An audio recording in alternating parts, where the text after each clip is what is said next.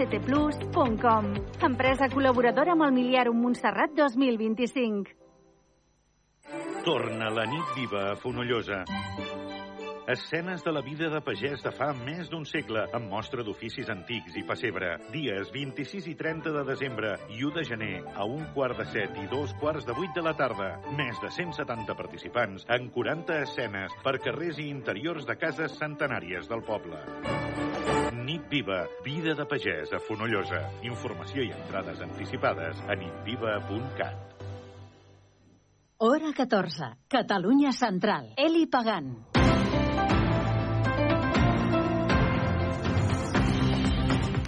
Hola, què tal? Molt bon migdia. Passen 20 minuts de les dues, hora 14. Tenim sol a la capital del Bages i en aquests moments 12 graus i mig de temperatura amb una tarda també assolellada.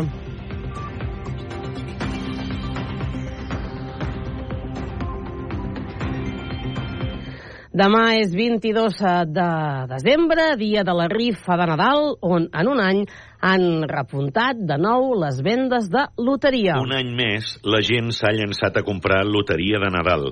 Les administracions de Manresa han notat un increment en les vendes com ja va passar l'any passat.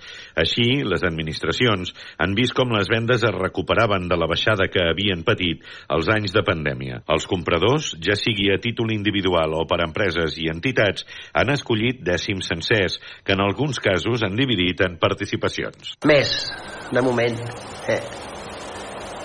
Una miqueta més. Pantalonaris pels, uh, per la gent o, o s'emporten una quantitat i ho reparteixen en dècims.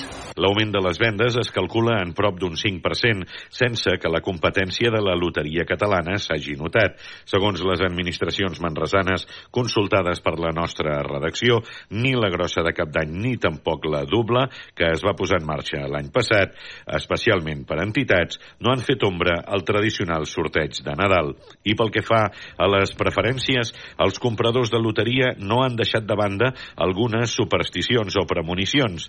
L'any que s'acaba, o la predicció d'algun visionari han estat entre les xifres escollides. Aquest any el 3, el 63 sobretot i el 23 perquè acabem l'any 23 i el 63 perquè un famós vident ha dit que tocaria i una intel·ligència artificial i tothom pregunta pel 63 pel 63 Manresa ha rebut alguns premis però no és de les poblacions més afortunades en la història recent del sorteig de Nadal.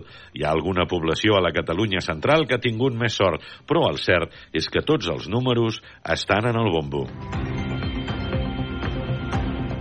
Greu accident de trànsit ahir a la tarda a Cerres. Quatre vehicles es van veure involucrats en una topada al punt quilomètric 105 i mig de la C-16.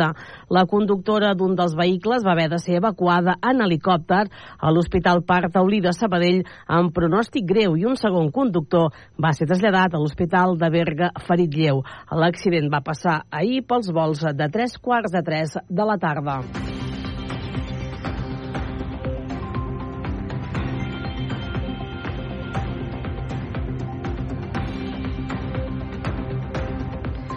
Ja ha començat la licitació pels caixers automàtics mòbils de poblacions que no en tenen. És una crònica també de l'Eduard Font, en veu també de Dionís Guiteres, president delegat de l'Ara d'Assistència Local de la Diputació de Barcelona. La Diputació de Barcelona ja ha licitat per un import de prop de 400.000 euros el concurs que portarà caixers automàtics mòbils a pobles de la demarcació que s'han quedat sense. Es posarà en marxa la propera primavera, entre finals de febrer i principis de març, i ha de beneficiar a un centenar de pobles de menys de 5.000 habitants. La Diputació de Barcelona està ara en converses amb els alcaldes d'aquests municipis i també amb els Mossos d'Esquadra per confeccionar les rutes i estudiar el millor espai públic, carrer o plaça, on ubicar aquests caixers mòbils. Uns caixers que funcionaran de manera molt semblant als bibliobusos de la xarxa de biblioteques, amb una única excepció, que aquest vol ser un servei transitori mentre l'Estat obliga el sector bancari a tornar-se'n a ocupar. Són declaracions a la xarxa del munyanès Dionís Guiteres, president de l'àrea d'assistència local i cohesió territorial de la Diputació. Hem fet un contracte de dos anys més dos de prorrogables per veure com evoluciona eh, aquesta, aquesta crec, eh, que és aquesta obligació per part de les entitats financeres de prestar aquest servei. Ara estem fent nosaltres cobrint un, un espai temporal de temps que on aquesta realitat no, no, no és certa, no, no, no existeixen aquests caixers. Per tant, eh, esperem que en aquest temps prudencial de, de 4 anys, o ojalà fos menys, doncs eh, això se solucioni. Guiteres ha explicat també la periodicitat del servei. Els pobles de menys de 1.000 habitants rebran la visita del caixer mòbil un cop al mes i els de més de 1.000 cada 15 dies.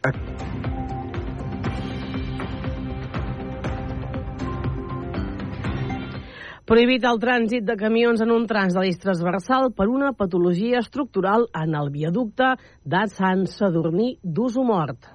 La Generalitat ha detectat una patologia estructural al viaducte d'Usur Mort a l'eix transversal durant una inspecció i ha decidit prohibir el trànsit de camions per motius de seguretat viària entre Sant Sadurní d'Usur Mort i Arbúcies. El viaducte es va construir als anys 90 i es troba a la calçada sentit Manresa. A banda de restringir el pas de camions, la resta de vehicles han de reduir la velocitat i només es pot circular per un carril. El Departament de Territori assegura que en els propers dies es desviarà tot el trànsit per la calçada sentit Girona, que està desdoblada, i els camions ja podran tornar a circular. Els transportistes consideren que l'afectació és molt important i insten a la Generalitat a donar-los una alternativa. Com afecta això? Pues, uh, bueno, jo tenc els ulls i em costa imaginar Catalunya sense l'eix transversal, que és un eix que ja porta molts anys i molt assentat i és un lloc de pas també cap a Vic, Osona, les Espanyes i ens trobem que això passa a Girona, una de les províncies més restringides d'Europa, on tenim una AP7 col·lapsada, on el túnel de Bracons té la seva pròpia restricció, on la variant d'Olot ni està ni se l'espera. Mm, volem que es concreti la tipologia de vehicle o els eixos, això primer de tot, i segona que ens doni, se'ns doni una alternativa mm, vista la província, la situació de les nostres carreteres, la manca d'infraestructures en general, creiem que l'única alternativa serà fer un bypass en aquest tram, i que s'obri el tram pues, a un carril per banda. Sembla que cap aquí van, van els temes, Sembla que la restricció durarà uns pocs dies per adequar això i després passar a ser una limitació. Esparreguera entén que es tracta d'una situació molt recent i sobrevinguda, però reclama més informació per part de la Generalitat i, sobretot, que es doni una alternativa. De fet, els transportistes veurien amb bons ulls la solució d'adaptar la calçada en sentit Girona perquè hi puguin passar els camions i, per tant, que hi hagi un carril de circulació per sentit. A més, Esparreguera explica que el servei Català de Trànsit els ha fet arribar un document on s'especifica que la mesura seria d'aplicació per un període mínim de 12 mesos. Ja ha començat la venda online de les entrades pel Campi Qui Jugui, un campi que obrirà portes el proper 27 el campi de desembre. El Campi Qui Jugui de Manresa d'aquest any ha començat aquest dimecres. La nova edició se celebrarà del 27 de desembre al 4 de gener al Palau Firal de Manresa. Els horaris seran tots els dies de 4 de la tarda a dos quarts de nou del vespre, amb l'excepció del dia 31, que el saló tancarà a les 8. Enguany, la reserva d'entrades es pot fer online a l'adreça campiquijugui.cat o bé físicament a taquilla. Si es compra l'entrada online, es podrà bescanviar per la pulsera a les taquilles d'entrada al recinte del Palau Firal. Cada dia es tancarà la venda online del mateix dia a les dues. El preu de l'entrada és de 6 euros per a infants de 6 a 14 anys, 2 euros per a infants d'1 a 3 anys i 2 euros per persones de més de 16 anys. Per als infants fins a un any, l'entrada és gratuïta. Els infants de família monoparental, família nombrosa o infants amb diversitat funcional podran adquirir l'entrada per 5 euros. Hi ha la possibilitat d'obtenir abonaments per 3 dies a un preu de 15 euros pels infants i 3 euros pels adults. També hi ha un abonament de 5 dies a 25 euros pels infants i 5 euros pels adults. Aquest any, l'eix temàtic del Saló de la Infància i la Joventut de Manresa girarà al voltant dels continents, destacant la diversitat cultural que caracteritza el planeta Terra, amb l'objectiu d'educar i entretenir a través d'activitats que representen la riquesa cultural de cada regió. Enguany, el Saló ha decidit apostar pel comerç just, amb l'objectiu de promoure un sistema comercial que aposti per valors com la justícia, la solidaritat i el respecte al medi ambient. Una altra de les novetats d'aquest any respecte a les edicions anteriors és la incorporació d'un bus llançadora que permet als visitants arribar al campi qui jugui sense necessitat d'agafar el vehicle propi. Aquest servei formarà part del bus urbà i es podrà utilitzar amb bitllet o abonament. Sortirà des de la parada de Guimarà cada 30 minuts. I en esports destacar que, si no passa res, Josep Maria Erms serà el nou president del bàsquet Manresa. Molt probablement demà divendres el bàsquet Manresa anunciarà el nom doncs d'aquest Sant Padurem com a nou president del Baxi Manresa. Arribem a dos quarts de tres.